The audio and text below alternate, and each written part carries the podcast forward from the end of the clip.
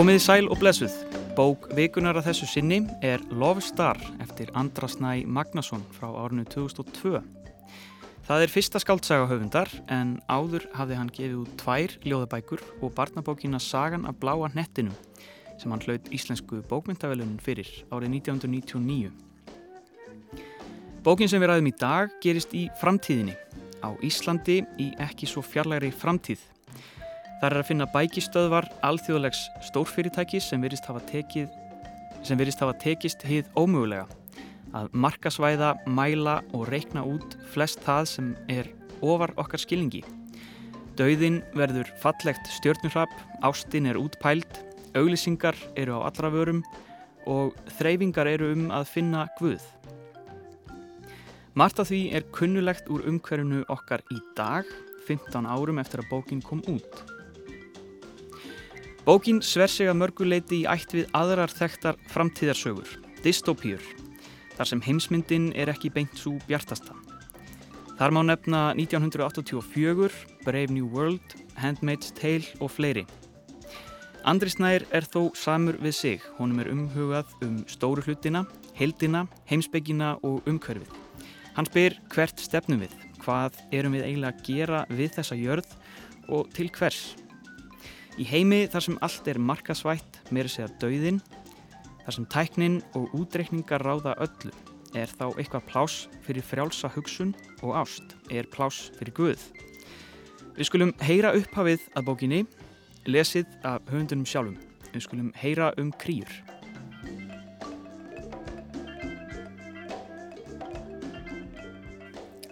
Kría Störna Paradíseia Þegar kríurnar rötuð ekki heimitt vorið, heldur byrtust eins og óveður skí yfir miðborg Parísar og gogguð í höfuð vegfærenda, heldur margir að heimsendir væri nátt.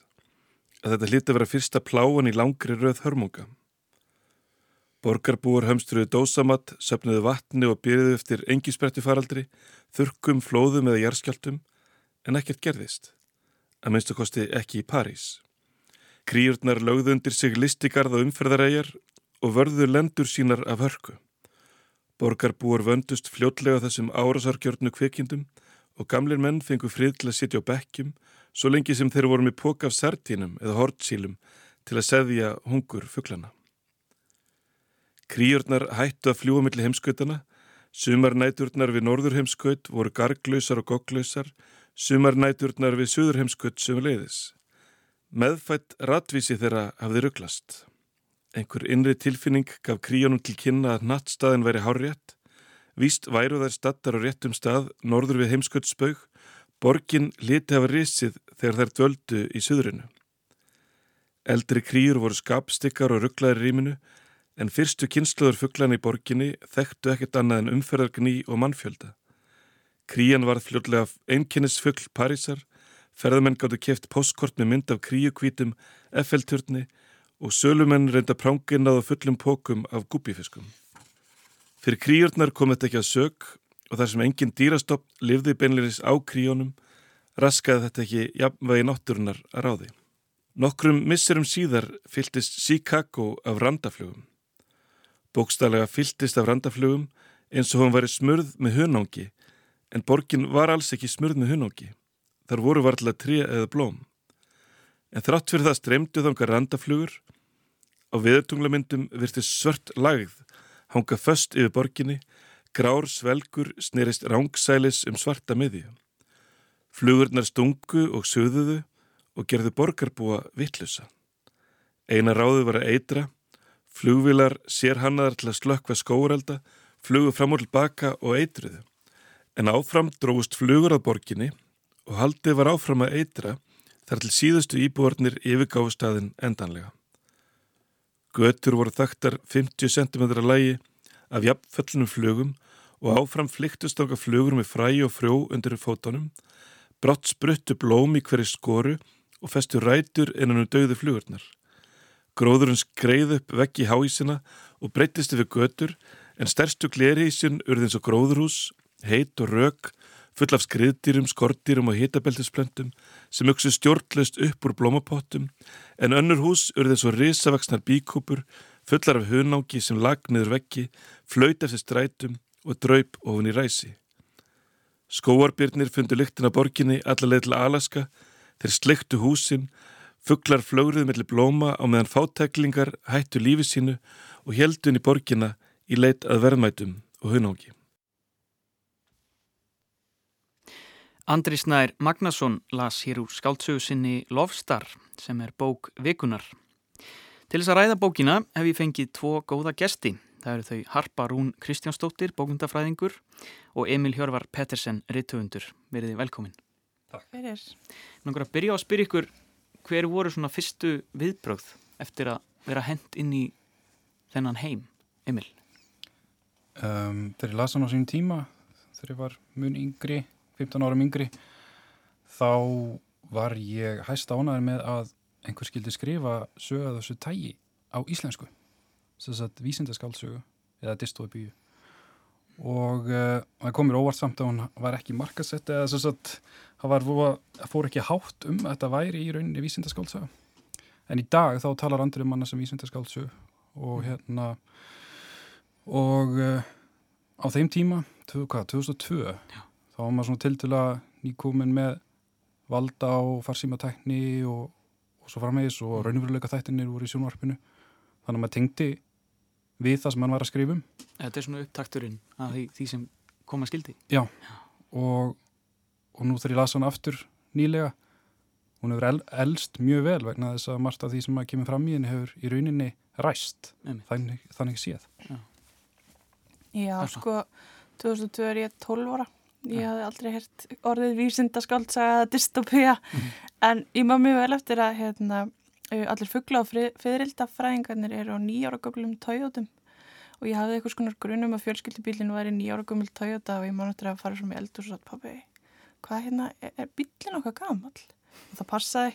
Og mér fannst það mjög, það er svona mjög eftirminnileg viðbröð, þetta fannst mér alveg stórmerkilegt.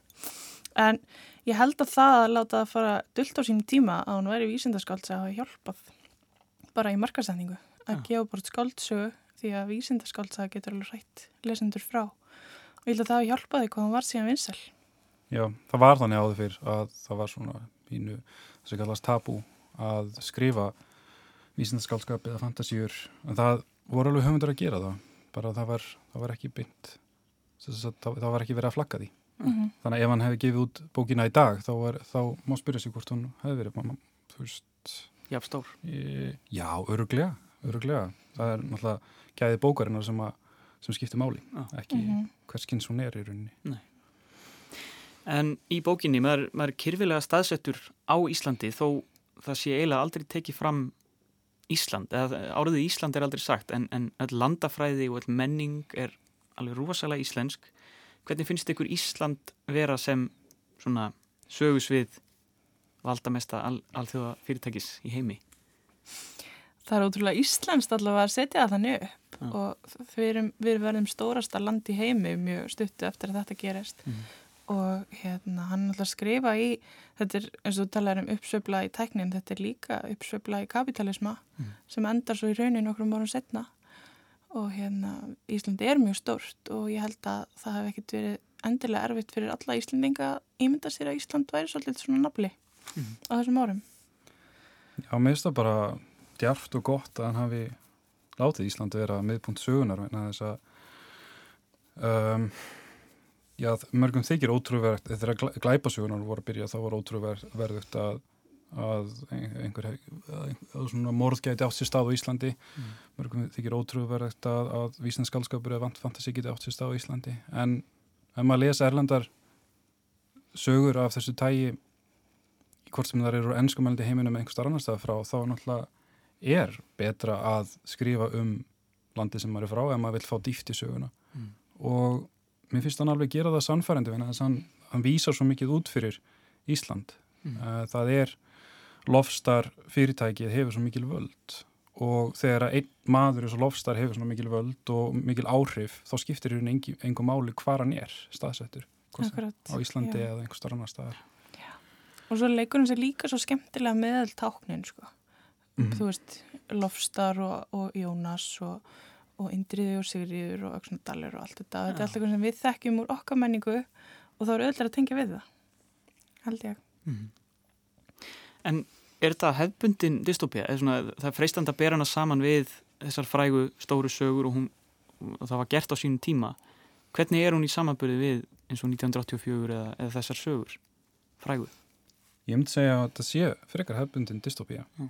að hérna víst, ein, aðal einkenninnar er uh, svona afmennskun uh, borgarana mm. sem að er, er í lofstafra hérna, það er allir uh, í rauninu ornir að handbendi fyrirtækisins gala auglýsingar og það er rauninni bara haft stjórn á fólki mm. og hérna allræði mm. og allræði byrtist þá í, í kapitalísku stórfyrirtæki -hmm og, og svo fleiri enginni eins og, og náttúru hamfarir og svo framæðis en það sem er mjög merkilegt við lofstæri er, er að það er einhvers konar hamslus náttúra sem að teku völdin. Eða maðurinn finnur já, einhvers konar nær völdum á einhvers sem við höfum ekki skilið áður. Mm.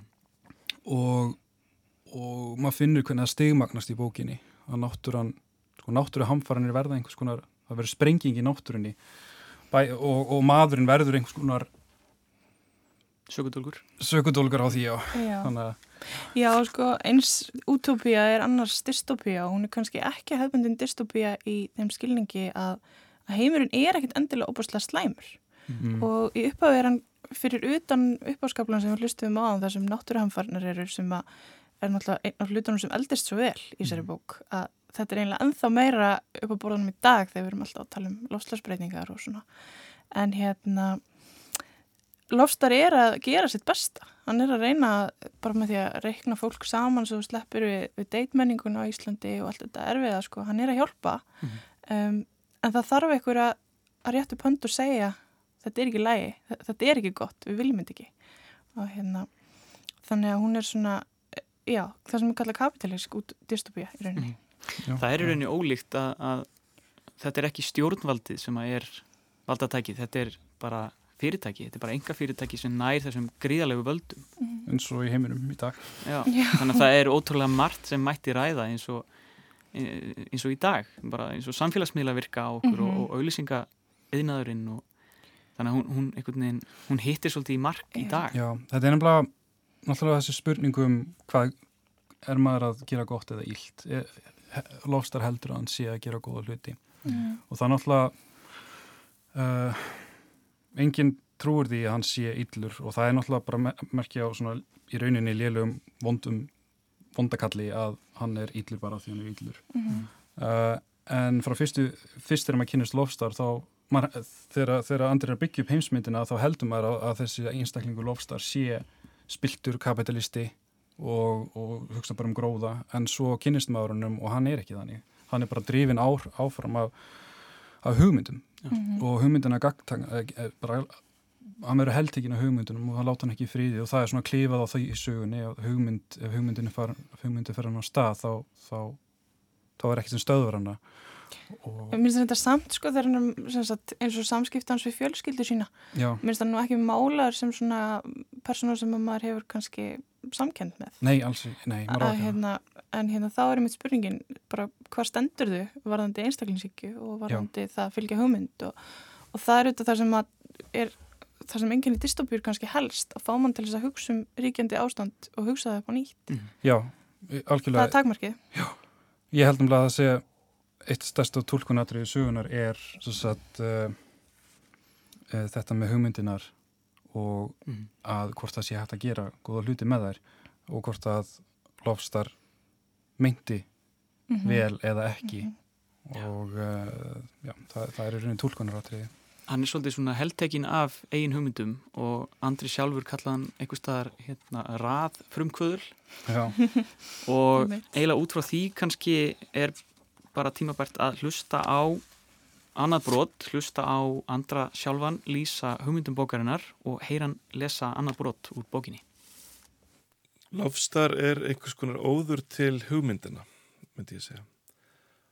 Hún er kannski fæðist nær ljóðinu heldur en skáldsögunni. Það er að segja, hún, hún er mjög samþjöppuð. Ég líst henni stundum að hún ætti að vera eins og Egil's Juice nánast, Egil's, Egil's Thickney þannig að, þannig að hún er rauninni ofur ömm til að lesa hana nánast. Hún er, það þyrta eiginlega þinnana svona moti, einn á moti tíu með, með vatni. Og ég var í sorg í alveg heilt ár eftir í skilaðinu vegna þess að hver blað síða eða hver kapli er nánast sko gæti verið skálsaga ég held ég hefði bara hendt frá mér öllum hugmyndanum mínum fyrir æfina bara í þessa einu bók. Og ég hef líka líst í þannig að ef hugmyndir í bók er eins og áfengi í víni þá eru sumar bækur bara eins og bjór svona 5% sull.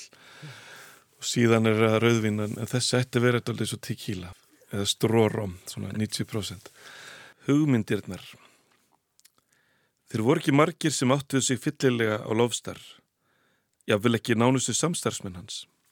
Stundum vissum en ekki hvenar hann var að grínast og hvenar hún var alvara en hann kom hlutunum í verk hvað sem því leið þegar hann var spurður út í hugmyndir sínar færðist hann undan og sagðist ekki bera ábyrðaðum hann taldist ekki fá hugmyndir heldur væri því auðvögt farið Það voru hugmyndirnar sem fengu hann.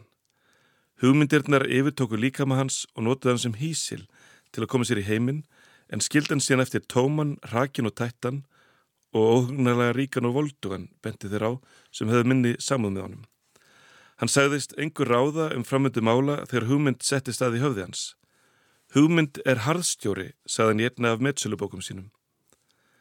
Hugmynd leggur undir sig heila starfsumina Ítir burt tilfinningum og minningum, lætur mennum vannrækja ættingi og vini en drýfur mann áfram að einu marki, að koma hugmyndinni í heiminn. Hugmynd yfirtekur málstöðarnar og hleypir aðeins sjálfur sér að. Hugmynd tekur frá manni matarlistina, mingar söpþörfina og lætur heilan framleiða efni sem er sterkar en amfetamin og getur haldið manni gangandi mánuðum saman. Þegar hugmyndin fæðist verður maðurinn sem hún fekk tómur. Þótt hann reyna að hanga utan á hugmyndinni baðaði sér í ljómanum og gæta þess vandlega að tengja napsitt við hana, já vil skýra hana í höfuð á sér, þá finnur hann ekki sumi fyllingu. Sá sem hefur fundið hugmynd stækka einni sér og skýrast, sá sem hefur verið þræll hennar mánuð ár, veit að það er einskis virðið hafa einhver tíman fengið hugmynd.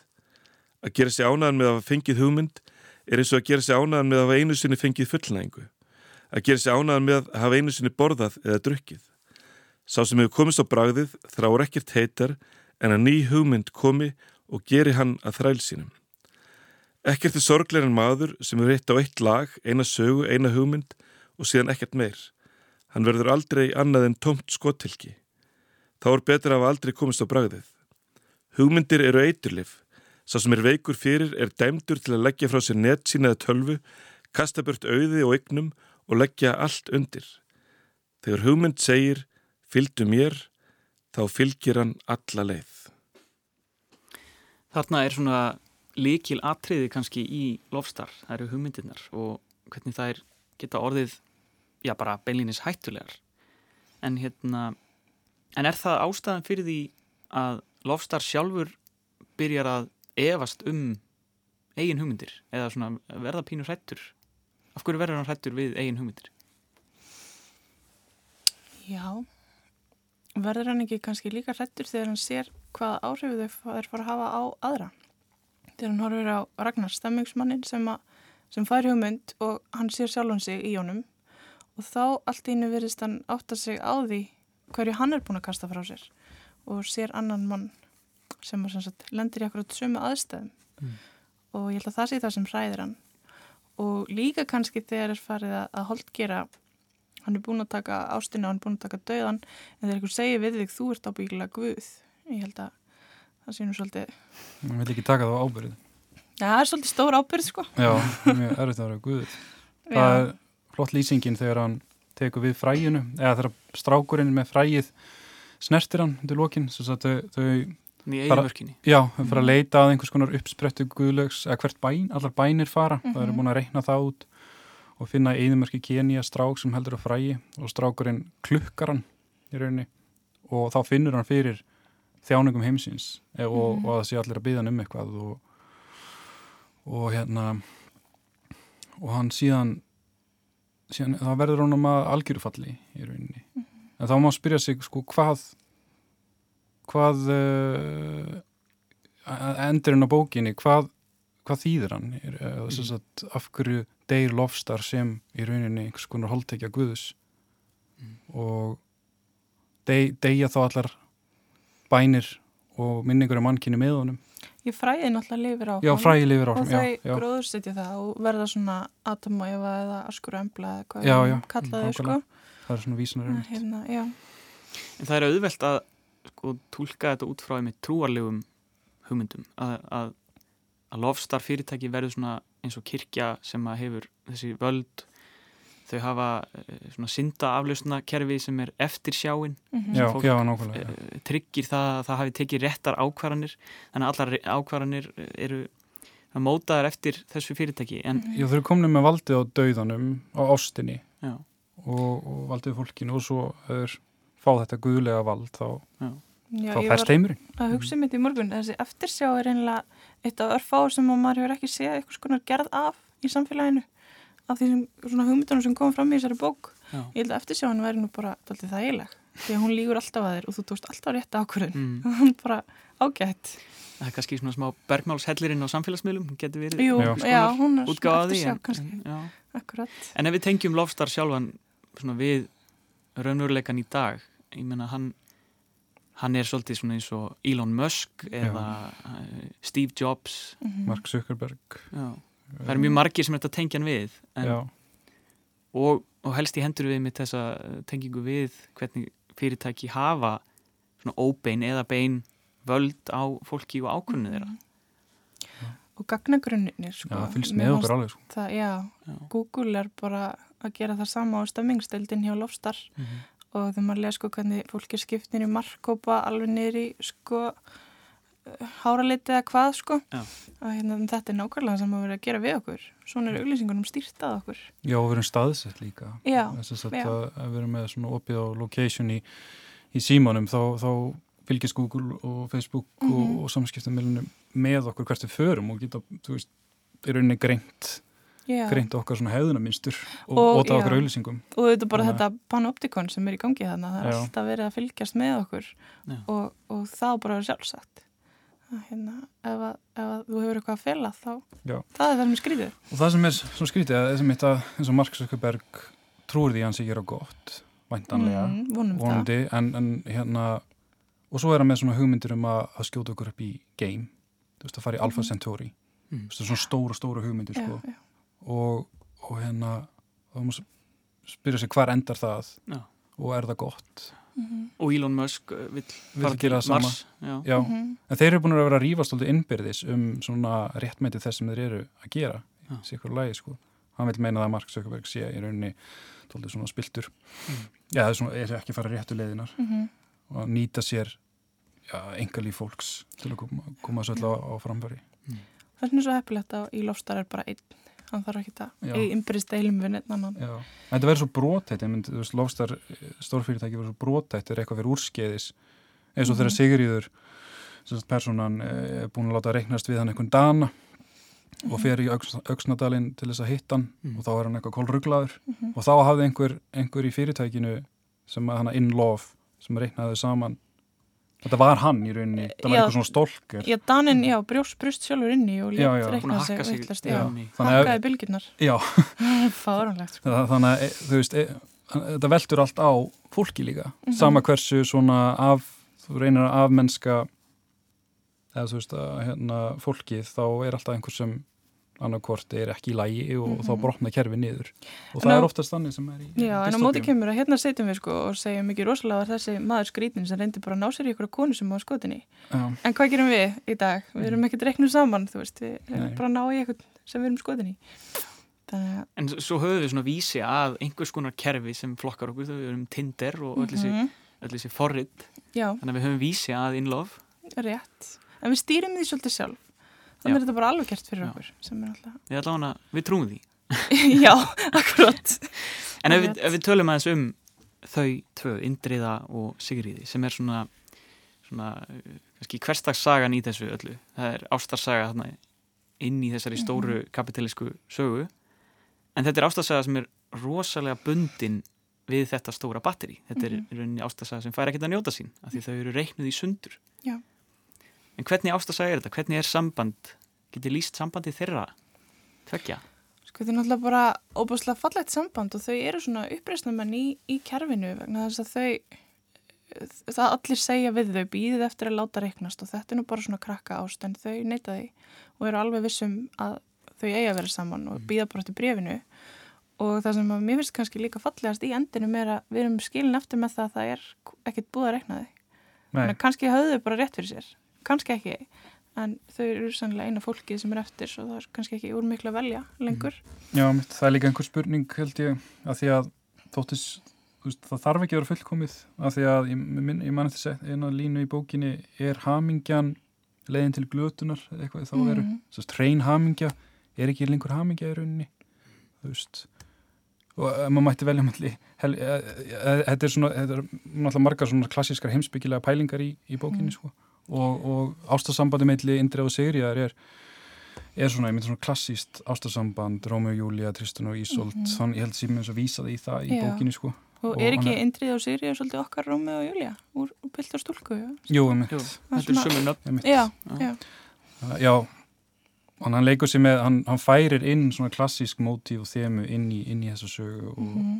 og, og hérna, maður getur séð alls konar vísanir eins og Ragnarök og svo leiðis. Það sem ég finnst líka stert sko með þeirra sambandi er að maður er eitthvað búin að kaupa þessa hugmyndafræði, að maður er síðan bara að býða eftir að vera reiknaður og býða bara eftir ástinni þegar kapitalismunum sínist að senda okkur hana. Mm -hmm og hérna en svo í lókinn þá var maður farin að sjá að með þess að hjá lofstar sjáðir bresti á kerfinu vegna þess að að ástfóna fólki er svo sjálfum sér nægt að það neytir ekki neins. Já, nákvæmlega. Það er hægt að kaupa og, og, og það er rauninni ástæðan fyrir því að þessi Ragnar fer í, í rauninni eh, herrferð til þess að svona tefja það ferli, að tefja já, þá já.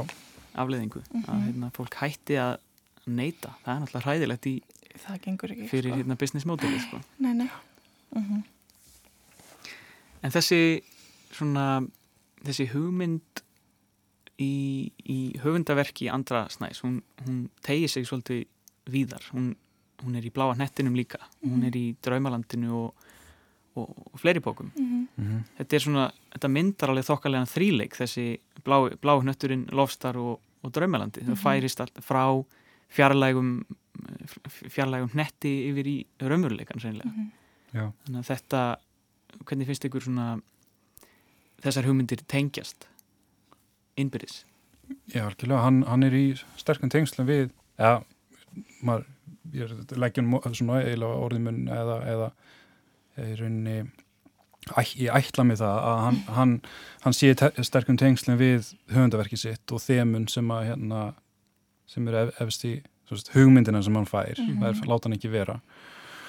Og uh, mér finnst uh, og það er, það er alltaf umhverfis pælingarnar, yeah. umhverfisvendin og, og, og hérna ágangurinn og, og svo framvegis. Og mér finnst Andri hafa verið svona í rauninni, já, undan sinni samtíð á Íslandi og í rauninni hann hefur verið í takt við annarkort meðvitað og ómeðvitað þá það er stefnur sem er að koma upp í vísindaskáldsugum Erlendis. Mm -hmm. Sérst svona um, það sem kallar svona eko Vistríni á íslensku.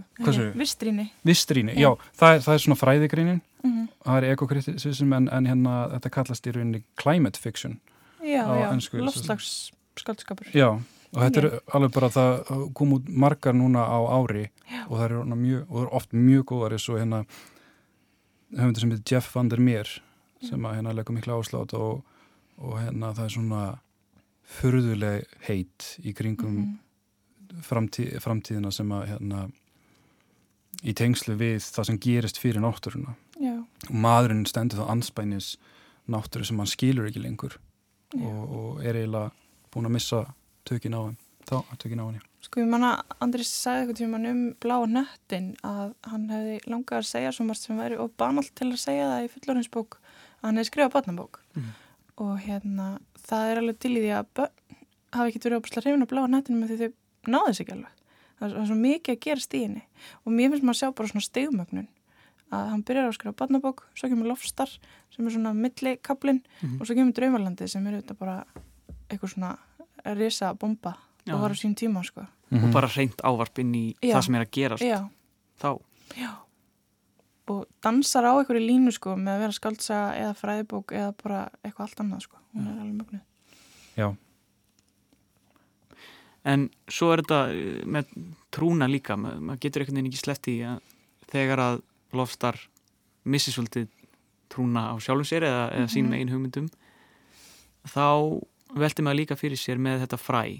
Það er kannski pláss fyrir eitthvað annað heldur en reikn, útreikninga og, og tækni og þú veist, það er eitthvað meira. Það er, maður svona mann er gefin smá trú á, á ást og, Mhm. og trú og, og annað. Já, það er sko ég, ætla, ég fræði stendur fyrir eitthvað ákveðið og það, ég held að maður eigi að tólka það. Ef mér dettur í hug er kannski ég svara ekki alveg spurningunni en ef mér dettur í hug, ég var bara að hugsa þetta núna með að reikna heiminn uh, og með, uh, í tengslu við trúabröð Mhm. að það er í trúabröðum eins og Íslam að, uh, að þekkingaleit er í rauninni uh, nátengd því að, að yfka trú Mhm. að, sérst, að, að þú þú verður betri maður eða kona fyrir vikið en uh, þú byrjar að skilja sköpunarverk Guðs eða alla sem skildi eftir fyrir okkur til þess að tólka og eftir því sem við komumst að meira, að meira um heiminn vísindum eða einhver, einhver öðru að þá einmitt komumst við nær Guði. Mhm. og það er það sem í rauninni er að gerast í lofstar mm. en þegar að það gerist að þá hrýnur allt. Og þá, þá kemur einhvers konar Já. núlstilling Sko það er ekki tilvílun held ég að bókin byrjar á um, tilvísun í plöntufræði fyrir byrjandur. Muni eftir. Já, Þegar plantan finnur að hún er að dauða komin sapnar hún forða sínum og þjappar lítið fræ sem hún sleppir rétt áður en hún vissnar. Þá er von til þess að hún lifi þótt hún degi. Svona byrjar bókin mm.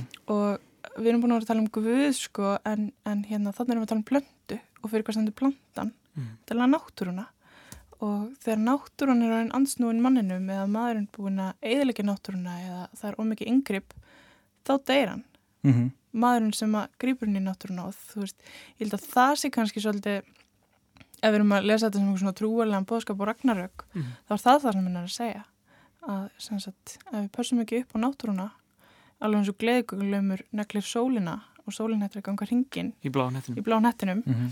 þá hérna þá gerist eitthvað Þá tekur við. yfir. tekur yfir, já, eins og hún gerir í lofstar Mhm. en það kreft fórnar hann er, hann er í rauninni að fórna sér fyrir þetta fræ. Já. hann er með allar þessar hugmyndir hann er með, hérna, búin að gera allt þetta en hann Mhm. kannski þarf af einhverju ílri nöðsin að að láta sér gossa hérna já, hann vill ekki sækja fræði sjálfur, Nei, hann vildi ekki í Nei, ekki. hann vildi enginn sækja í rauninni. Nei, það vill enginn gera það. Og hann, fólk segir bara þú verður að gera þetta því að þú, þér datt þetta í hug. Já. og hann, hún er svona fornaðsvaldi mm -hmm. Það er ekki svona hvort þetta sé eitt af fá tilvægum það sem hann þarf að framkama sjálfur það kemur fram eitthvað, hann fær hugmyndinar og lætur sín einhver aðra um Mhm. að, um að, hérna, að framkama já, uh, Já, ég, ég veit ekki hvort það sé einhver svona trúabáðskapur í, í, í bókinni. Ég held sér frekar svona kannski að að reyna að að reyna að láta veist, stóru hugmyndir mannkins trú og vísindi kallast á rauninni og fylgja sögunni, fylgja hugmyndaheimi sögunar. en sko, já en margir vilja nú meina að við séum svolítið búin að skipta trúnni út fyrir vísindin. Já, og það er það sem að vísindaskáldsögur sérstaklega dystopískar ganga oft út á. Og hérna ég held að það sé líka í rauninni trúin. Ætlum við að trúa vísindin eða ætlum við að trúa á bara ástina og bænina og, og þetta allt sko. Mm. Akkurat.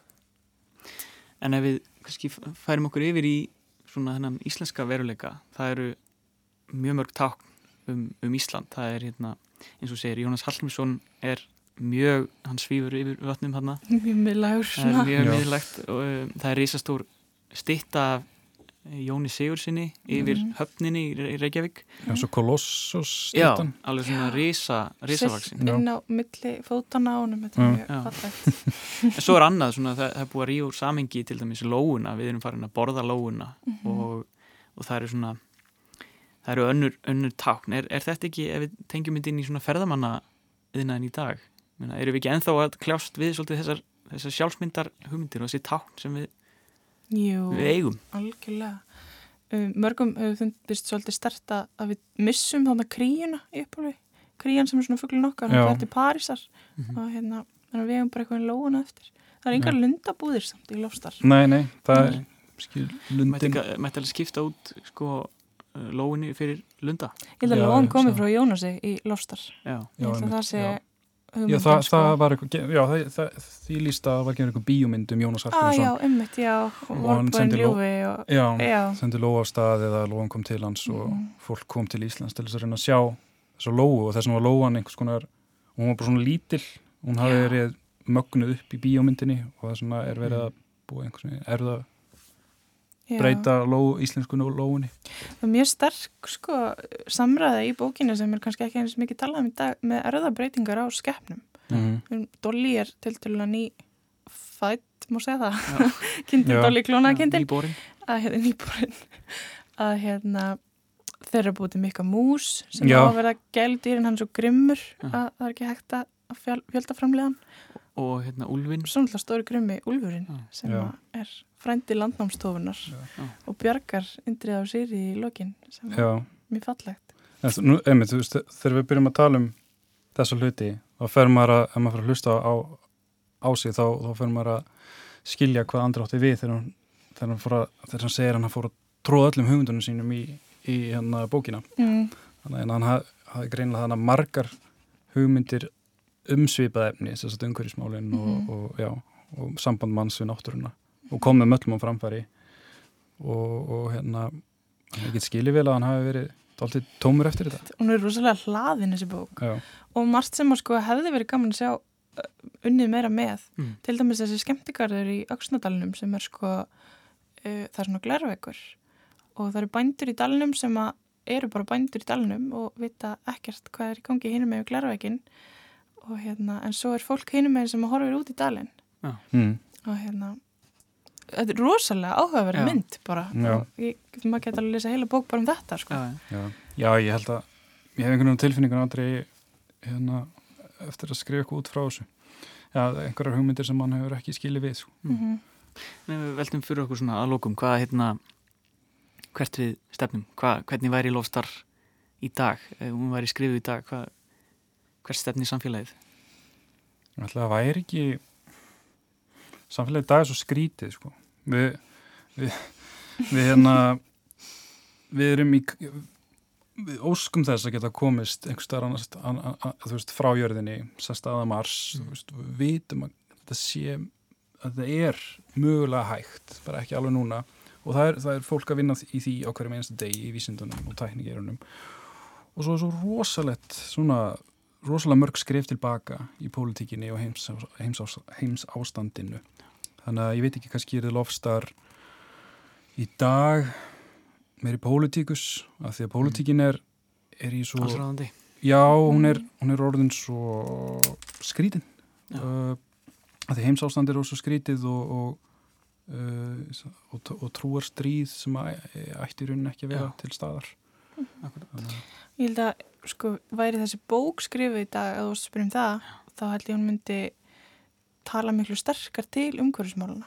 já, páttið Það er alltaf að verða, núna má maður alveg vera umhverfisvendar sinni og það er ekki, ekki asnarlegt eins og það var svolítið á þessum tíma. Já. Eða þeir voru, við vorum mun mun færri sko. Mhm.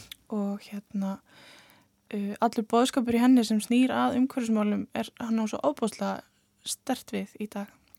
Já, ég tek undir þetta.